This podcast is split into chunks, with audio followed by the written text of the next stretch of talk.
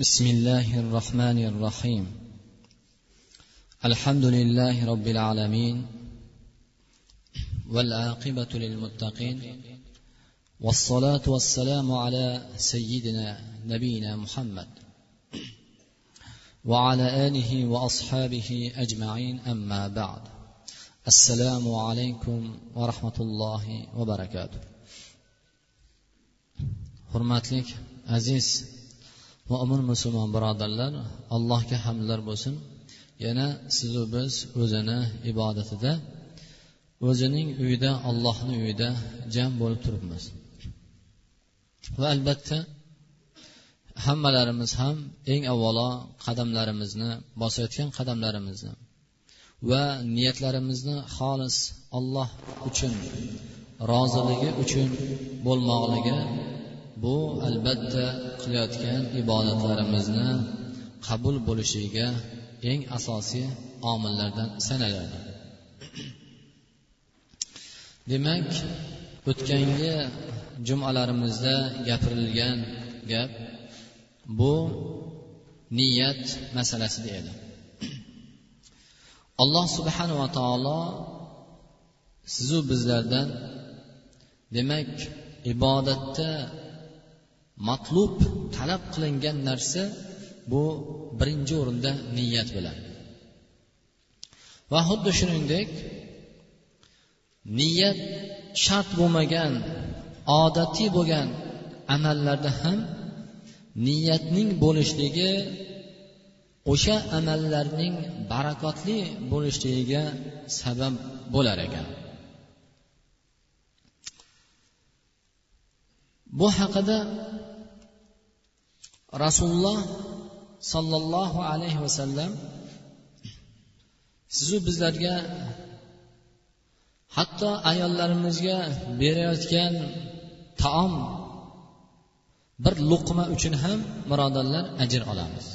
Qachonki o'sha taomning berishlikda bizni mas'ul ekanligimizni biz shunga omonatdor ekanligimizni bilgan holatda niyat bilan hatto ayolga qilingan yaqinlikda ham savob bor dedilar. Qachon? Qachonki inson bu yemoqdan ichmoqdan bu amallardan ya'ni o'zini nafsini va o'zini allohni ibodatida qoyim bo'lishi uchun farzandlarni ahli ayollarni boqishlik quvvat to'plashi uchun yemoq ichmoq bo'lsa albatta bunga ham ajr savob bor ekan. Va xuddi shuningdek olayotgan ilmimizda ham birodarlar. Sizu biz o'qiyotgan ilmimiz yoki eshitayotgan ilmimizda ham ajr savob bor. Bu qachon? Qachonki bu narsa agar biz niyatimizni to'g'ri qilsak. Hatto bu faqat diniy ilmda emas dunyoviy ilmda ham dunyoviy kasbda ham shariatning halol qilgan kasb ilm bo'lgandan keyin dunyoviy ilmni egallashlik va ana shu egallashlikda niyatini to'g'ri qiladigan bo'lsa birodarlar albatta bunga ham ajr savob olar ekan.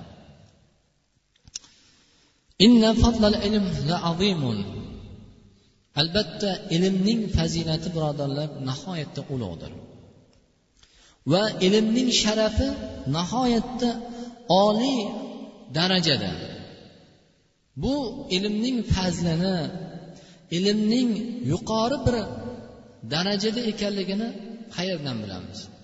Qachonki birodarlar bu ilmni egallagan odamlar o'zi nasl nasabi oddiy past bo'lsa ham lekin ilmning sharofatidan olloh oliy ulug' bir maqomlarni bergan ulug' bir fazilatlarni bergan.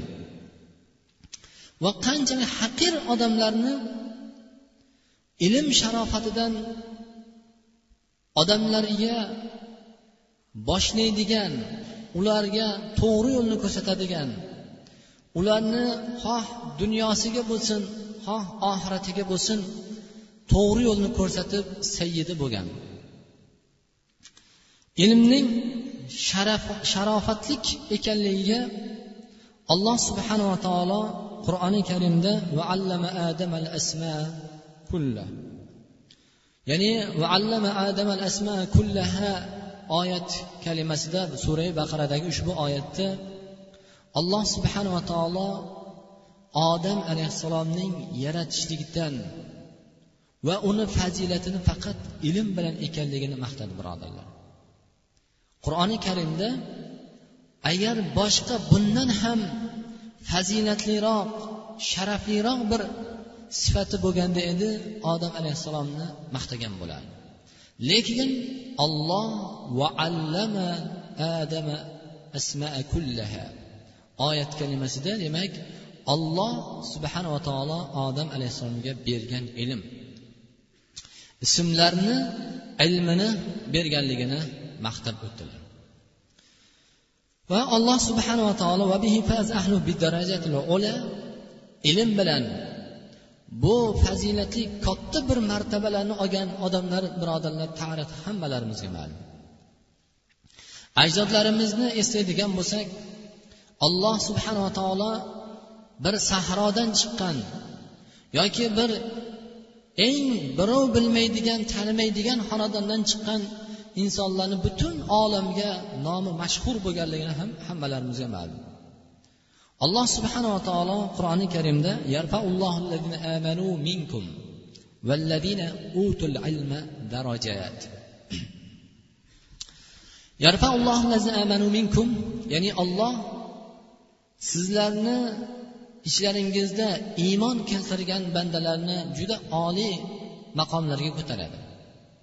Ularni maqomlari dunyoda olloh namuna qilib qo'yishligi agar iymonida sobit bo'ladigan bo'lsa o'tib ketgandan keyin ham to qiyomatgacha keladigan bandalar ichida والذين جاءوا من بعدهم يقولون ربنا اغفر لنا ولإخواننا الذين سبقونا بالإيمان ulardan keyingi qaysiki keladigan avlodlari orqasida keladigan insonlar ularni ya'ni duo qiladi robbana lana olloh ularni mag'firat qilgin kim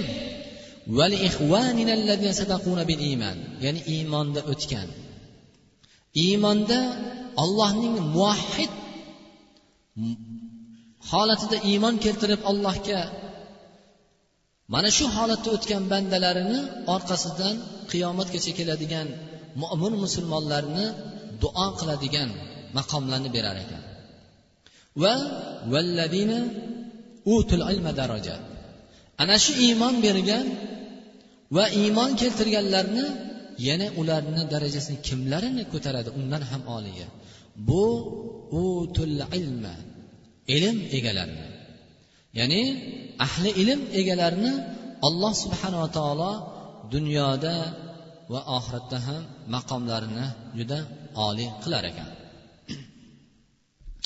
Mana shu oyatni tafsirida abdulloh ibn abbos roziyallohu anhu tafsir qilgan ekanlar.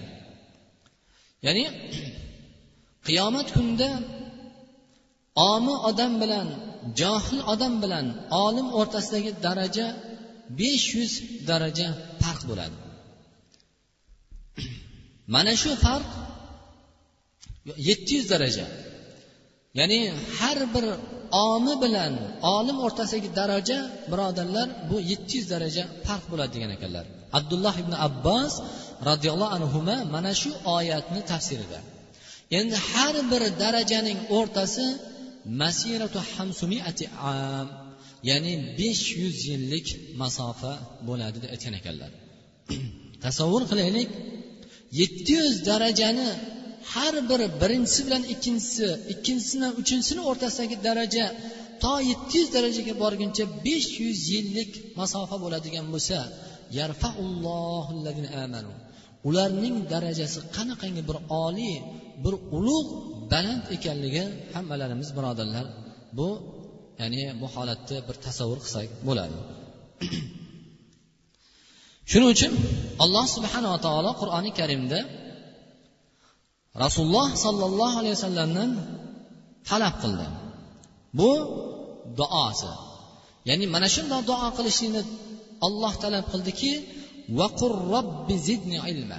Ey parvandigoro aytding ey muhammad zidni ilma meni ilmimni ey olloh ziyoda qilgin robbim ilmimni ziyoda qilgin deb robbingizdan so'rang dedilar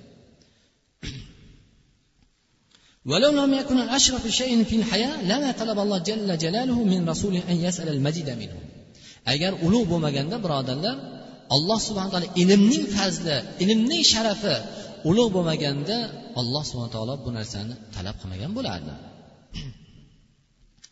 shuning uchun oddiy bir e, hayotiy bo'lgan imom muslim rahmatulloh alayh anna umar roziyallohu anhu saala ahada vilayat vilayatihi qoilan ya'ni voliylardan hokimlardan o'sha xalifa bo'lgan vaqtlarda amirul mo'minin umar ibn hatto madinada bir hokimlardan biridan so'ragan ekanlar. Man istahlafta alal ahlil vadi ya'ni yuriydi makka. ya'ni makka ahliga makkani hokimi makka shahrini hokimi madinaga kelgan vaqtlarida umar ya'ni amiril mo'minin o'sha hokimdan so'ragan ekan. Sen ya'ni o'rningga kimni qo'yib kelding? Istahlabtu ibn abi habzi min mavalina meni o'rnimga makka shahriga hokim qilib qullarimizdan bo'lgan ibn abi abzini qo'yib keldim degan ekanlar. Ya'ni hokim o'zini o'rniga mana shu odamni qo'yib keldim. O'rinbosar qilib. Faqol umar ularga bir quldan chiqqan odamni hokim qilib o'zingni o'rningga o'rinbosar qilib keldingmi? degan taajjublangan holatda so'raganda faqola ya amiral mo'minin innahu qori'un li kitabillah alimun bil faroid qossin ey amiril mo'minin bu ya'ni ibn abi abzi ollohning kalomini o'qiguvchi va faroizni biladigan olim ya'ni olim odam ahli ilm va qossin va tarixni biladigan o'tgangi ummatni ham va voiz odamdir bu qul bo'lsa ham lekin voiz odamdir ya'ni nasihatgo'y omonatdor olim ollohni kalomini tilovat qilguvchi ahli ilmdir deb aytgan ekanlar فقال عمر أما إن نبيكم صلى الله عليه وسلم قد قال الله يرفع بهذا الكتاب قوما ويدعو آخرين فلينظر كيف رفع العلم مولى من موالي العرب إلى مقام عليتهم ya'ni umar roziyallohu anhu aytgan ekanlarki albatta rasululloh sollallohu alayhi vasallam payg'ambarlaringiz ya'ni payg'ambarimiz shundoqda aytganki olloh bu kitobda orqasidan kimlarnidir yuqori oliy maqomlarga ko'taradi. Ularni darajasini o'zi haqir kambag'al faqir qaysi bir oiladan chiqishidan qat'iy nazar. Birov uni mensimaydigan mensimi nazarga kirmaydigan odam bo'lgan bo'lishi mumkin lekin ilm sababidan bu odamni darajasini olloh yuqori oliy maqomlarga ko'taradi. Va kimlarnidir olloh bu qur'onni sababidan shunda haqir qiladi. Ya'ni amal qilishlik bilan olloh buni darajasini yuqori qiladi amal qilmaslik bilan olloh buni haqir qilib xor qiladi. Deb aytgan ekanlar.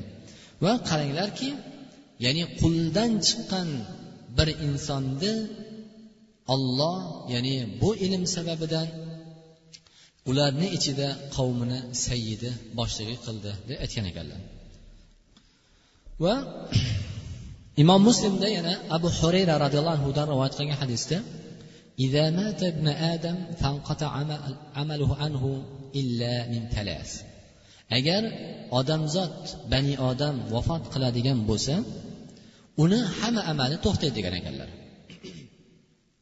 Illa min salas. Illa uchta narsada o'sha amali uni orqasidan o'lib ketgan bo'lsa ham vafot qilib ketgan bo'lsa ham amalini savobi borib turadi.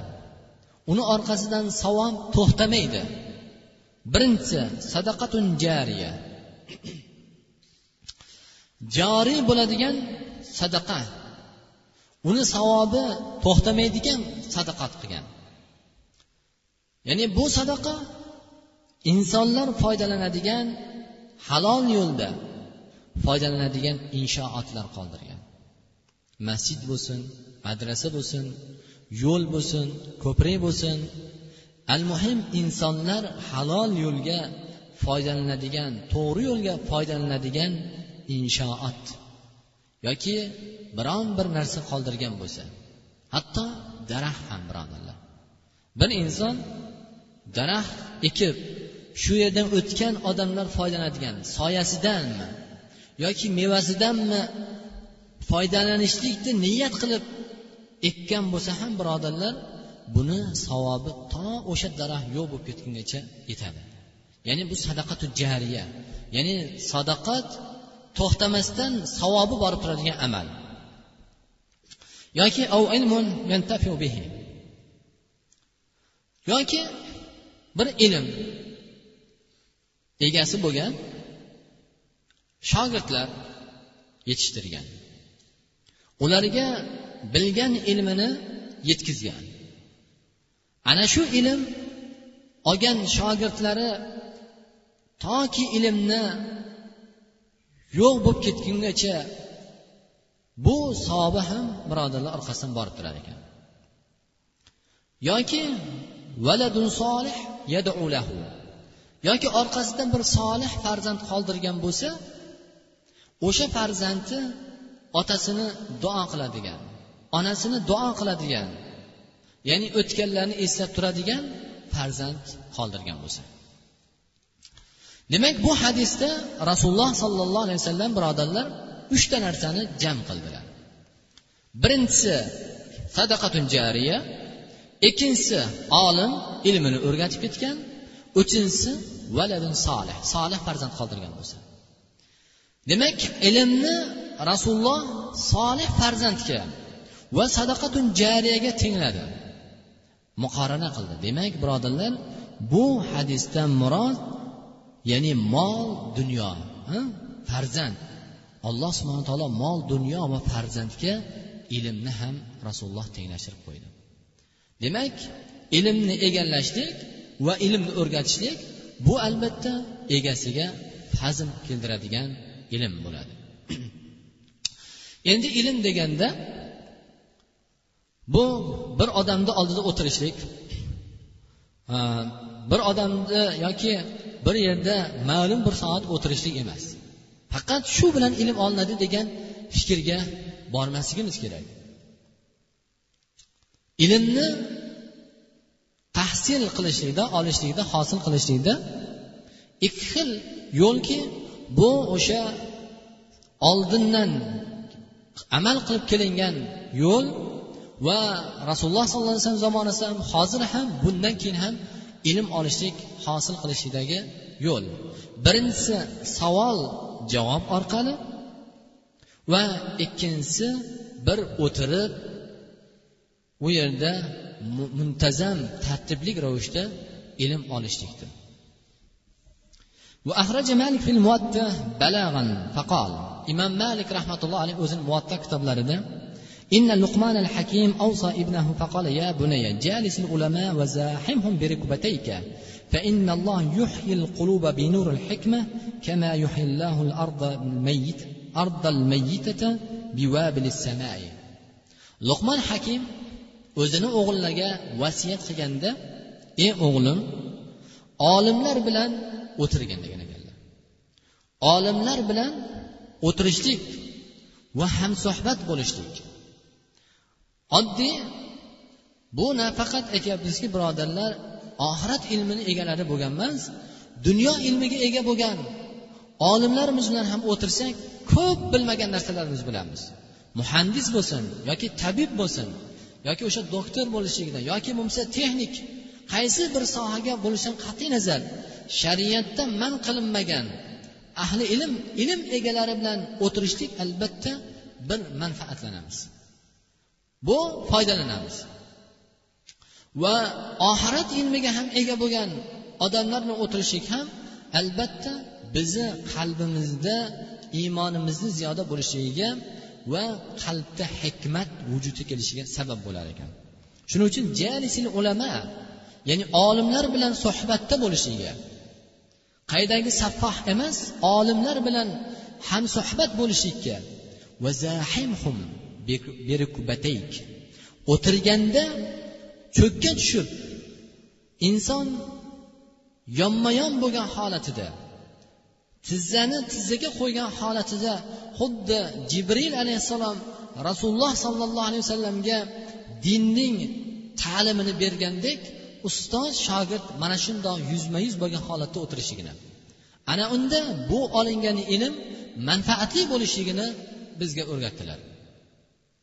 Bu olimlarimizni qilgan bu sunnati rasululloh sollallohu alayhi vasallam bu qilgan fe'llari birodarlar bizga sunnat. Agarchi ilm olishlikda mana shundoq o'tirasan demasa ham bu o'tirish holatini o'zi biz uchun fe'li harakat bo'lgan sunnat hisoblanadi.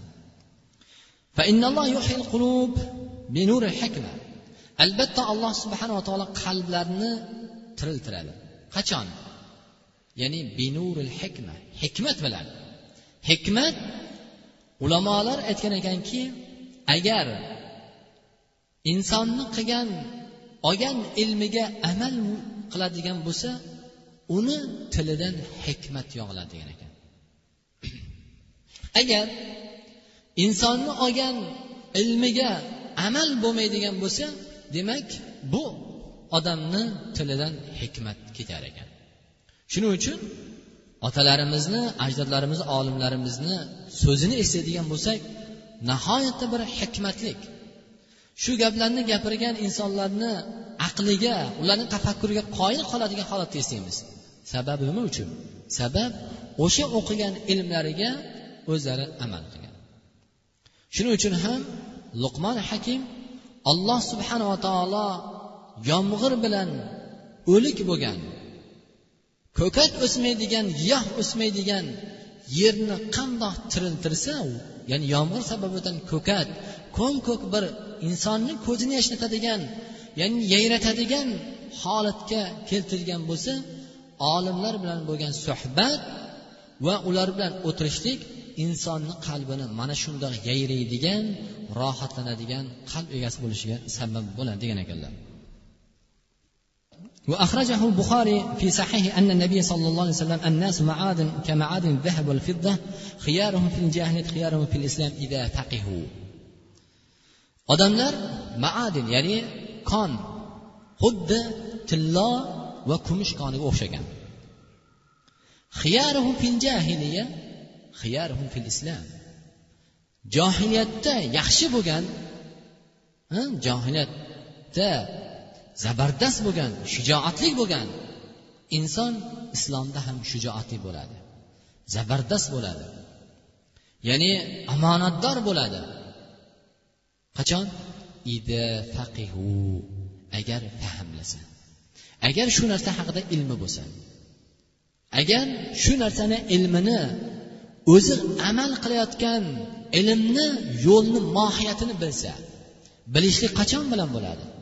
Qachonki ilm egasi bo'lsa. Demak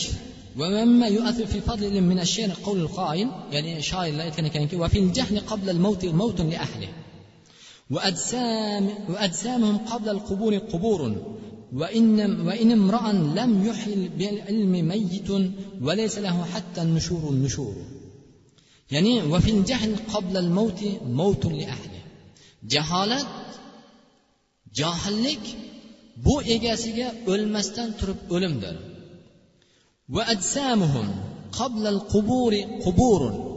Ularni jasadlari qabrga kirmasdan turib o'zi qabrdir.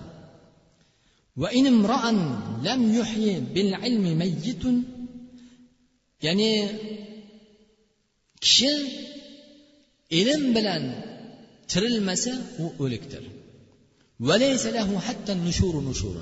Va nushur ham qayta tirilish ham bunga qayta tirilish emasdir.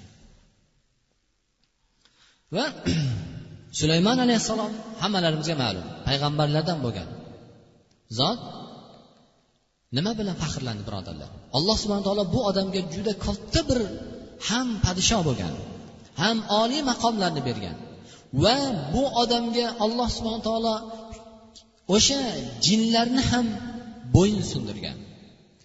Taxt judayam katta bir mulk egasi bo'lgan ham ollohni payg'ambari bo'lgan fazilat. Lekin nima bilan faxrlandi? Ya ayyuhannas ullimna ey odamlar menga olloh subhanava taolo qushlarni tilini o'rgatdi. Ya'ni qushlar bilan so'zlasha oladigan ilmni alloh subhana taolo menga berdi deb faxrlandi. Shuning uchun azizlar ravo وروي عن عمر رضي الله عنه قال قال رسول الله صلى الله عليه وسلم ما اكتسب مكتسب مثل فضل علم يهدي صاحبه إلى الهدى أو يرد عن ردئ ya'ni ilm kasb egasi ilmning egallasa ilmlik bo'ladigan bo'lsa hech qaysi bir kasb egasi birodarlar bu fazilni egallolmaydi ilmni egallagan ahli ilm chalik har qanday kasb egasi bo'lmasin birodarlar buni fazilchalik kasbni egallolmaydi nima uchun? Sababi yahdi ilal huda. Egasini ilm egallagan odamni ilmi hidoyatga boshlaydi. To'g'ri yo'lga haq yo'lga ko'rsatadi. Yoki bo'lmasa yoki bo'lmasa yomon gunoh ma'siyatdan qaytaradi.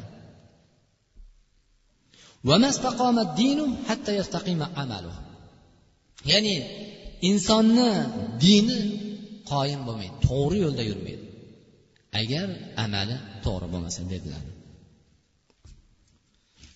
va ali roziyallohu anhu judayam chiroyli bir ibrat aytgan ekanlar ilm bilan molni farqini shu bilan kifoyalanamiz demak ruya an ali roziyallohu anhu qavluhu al ilmu afdal minal li sab'ati awjihin ya'ni ilm mol dunyodan yetti narsa bilan ustundir birinchisi al ilmu mirasul anbiya val mal mirasul faroina ilm bu payg'ambarlarning meroslaridir ilm bu payg'ambarlarning meroslari mol dunyo fir'avnlarning merosi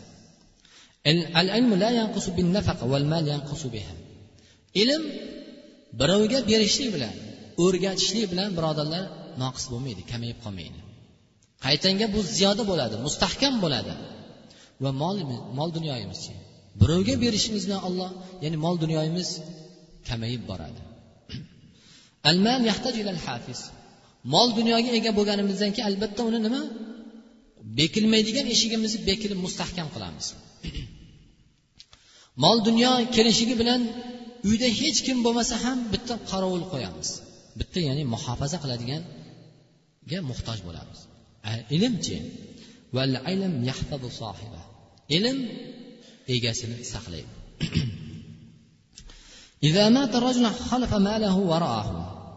Agar kishi o'ladigan bo'lsa mol dunyosi nima hammamizga qoladi.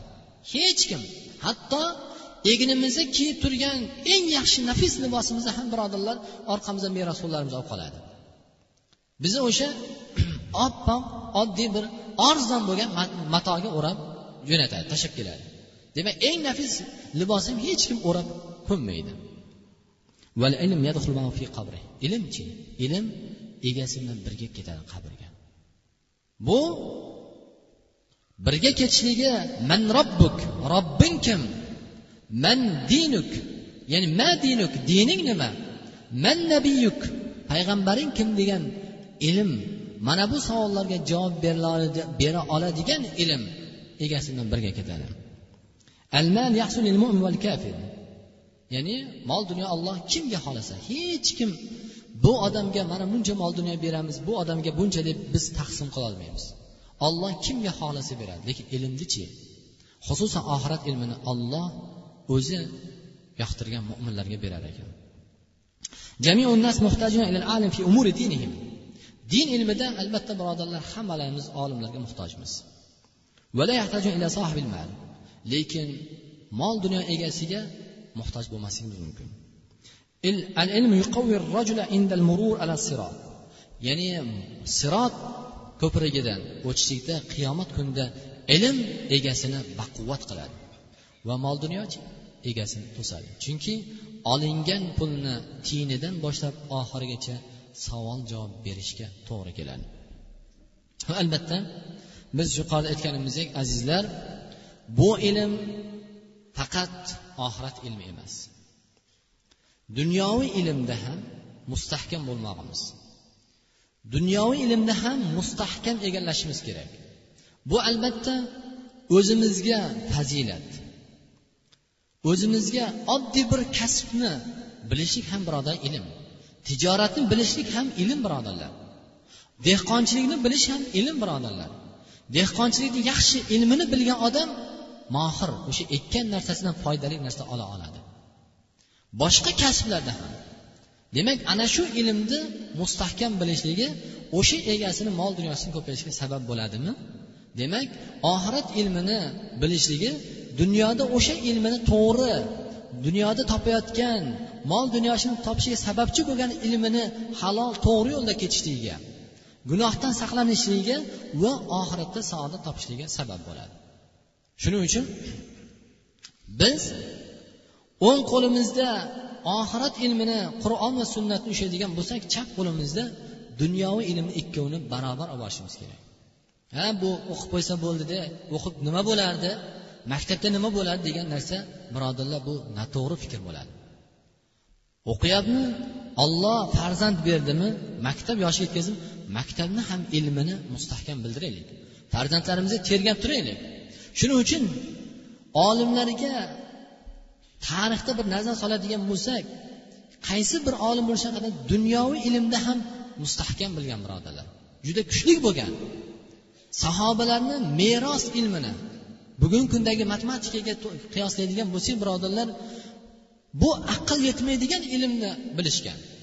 Meros ilmi bu judayam qiyin va og'ir ilm. Shuning uchun azizlar dunyoviy ilmda ham tibbiyot ilmida ham boshqasida ham albatta savob oladi. Faqat savob oxirat ilmini o'qigan odamda savob emas.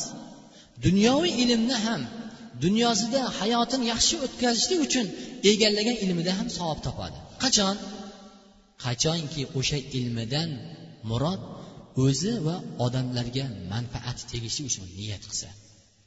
Lekin ilmni o'qib faqat o'zini manfaatini ko'zlagan bo'lsa birov odam masalan doktor tabib bo'lsa doktor bo'ladigan bo'lsa bu odamdan faqat odamlar pul bersagina ishlab bo'lmasa u kasalga qaramaydigan bo'lsa albatta bu ilm hech qanday o'ziga zomin bo'ladi.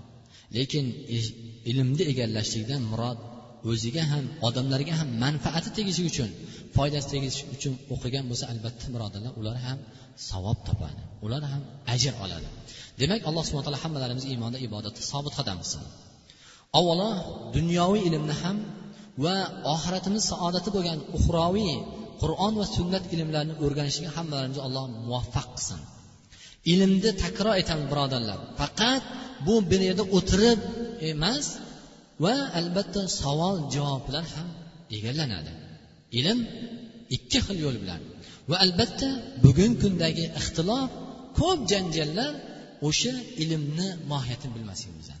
Yo bitta hadisni yo bitta oyatni o'qib qo'yib ulamolarimizni fikrini ulamolarimizni bu oyatga hadisga bergan sharhlarini tafsirlarini bilmasligimiz sababidan birodarlar biz o'zimiz ixtilof janjal o'zimizni hayotimizga o'zimizni tinchimizga o'zimiz zomin bo'lib qolamiz. Shuning uchun adashgan mana shu o'sha hizbi tahrirlar ham boshqalar ham qur'onni o'qiydi. Qur'onni sunnatdan deb gapiradi. Lekin qur'onni sunnatni o'qiyotgan oyati o'zini kerakli bo'lgan o'zini g'oyasiga fikriga to'g'ri bo'lgan o'sha oyatni o'sha hadisni oladi. Lekin o'sha oyatdan tepasini yoki pastini yoki rasululloh sollallohu alayhi vasallam bir hadis aytgan bo'lsa bu hadisni ma'nosiga bergan ulamolarimizni sharhini ham bir qarashimiz kerak. Va albatta ilm birodarlar mutaqaddim bo'lgan ilm afzalroq bo'ladi. Ya'ni o'tgan katta olimlardan eski olimlardan olishlik yoshi ulug'lardan olishlik albatta bu ilm barakotlik va taqvoga yaqin bo'lganligi uchun ularni ilmlari va taqvolari yaxshi bo'lganligi uchun bizga manfaatliroq foydaliroq bo'ladi. Va sallallohu ala sayyidina nabiyina muhammad va ala alihi va ajmain. Parvardigor hammalarimizni iymonda ibodatda sobit qadam qilgan. Alloh bizlarga haq yo'lni topishlikka alloh bizlarga ilm bergan. Bu ilmlarga amal qilishlik parvardigori seni tavfiq bilan bo'ladi. Bu biz ilm o'qishimiz mumkin olim bo'lishimiz mumkin. Lekin o'qigan ilmimizga aytgan ilmimizga olloh sen tavfiq bermasang biz bilmaymiz. Parvardigora biz amal qilolmaymiz sen bizni o'qigan eshitgan ilmlarimizga amal qilishga bizga tavfiq bergin. Hammalarimizni xonadonimizni mahallamizni bu aziz vatanimizni ham tinchlik xotirjamlikda barqaror qilgin. Vatanimizni ichki fitnalardan ixtiloflardan alloh o'zing saqlagin. Tashqi dushmanlardan olloh o'zing saqlagin. Samoviy va arobiy ofatlardan osmondan yerdan keladigan balolardan saqlagin parvandigoro tijorat qilayotgan dehqonchilik qilayotgan chorva qilayotgan barcha kasb egalariga olloh o'zing kasblariga barakatlar ato qilgin. Olimlarimizni o'zlarini ilmiga amal qilishga tovfiq bergin ularni bizlarga namuna qilgin. Ularga iqtido ergashadigan ularni bizlarni ilmlar barakotlarini alloh bizlarga ko'rsatgin va amal qilishga muyassar qilgin. Alloh birodarni farzandlari bemor ekan. Ularni farzandlariga shifo bergan. Va parvardigora bemor birodarlarimiz bor. Alloh ularni dardlariga shifo ber oyoqlariga shifo bergin olloh o'zlarini oyoqlari bilan o'zlarini hojatlarini qondiradigan hojatlarga barqaror bo'lishi uchun olloh o'zing shifo bergin alloh hammalarimizni iymonda ibodatda sobit qadam qilgin jamligimizni davomiy qilib oxiratda ham alloh jam qilgin rahbarlarimizga xayrli shariklarga alloh rivoj bergin va sallallohu alayhi vasallam muhammad. Rahmatiga rahmanrohim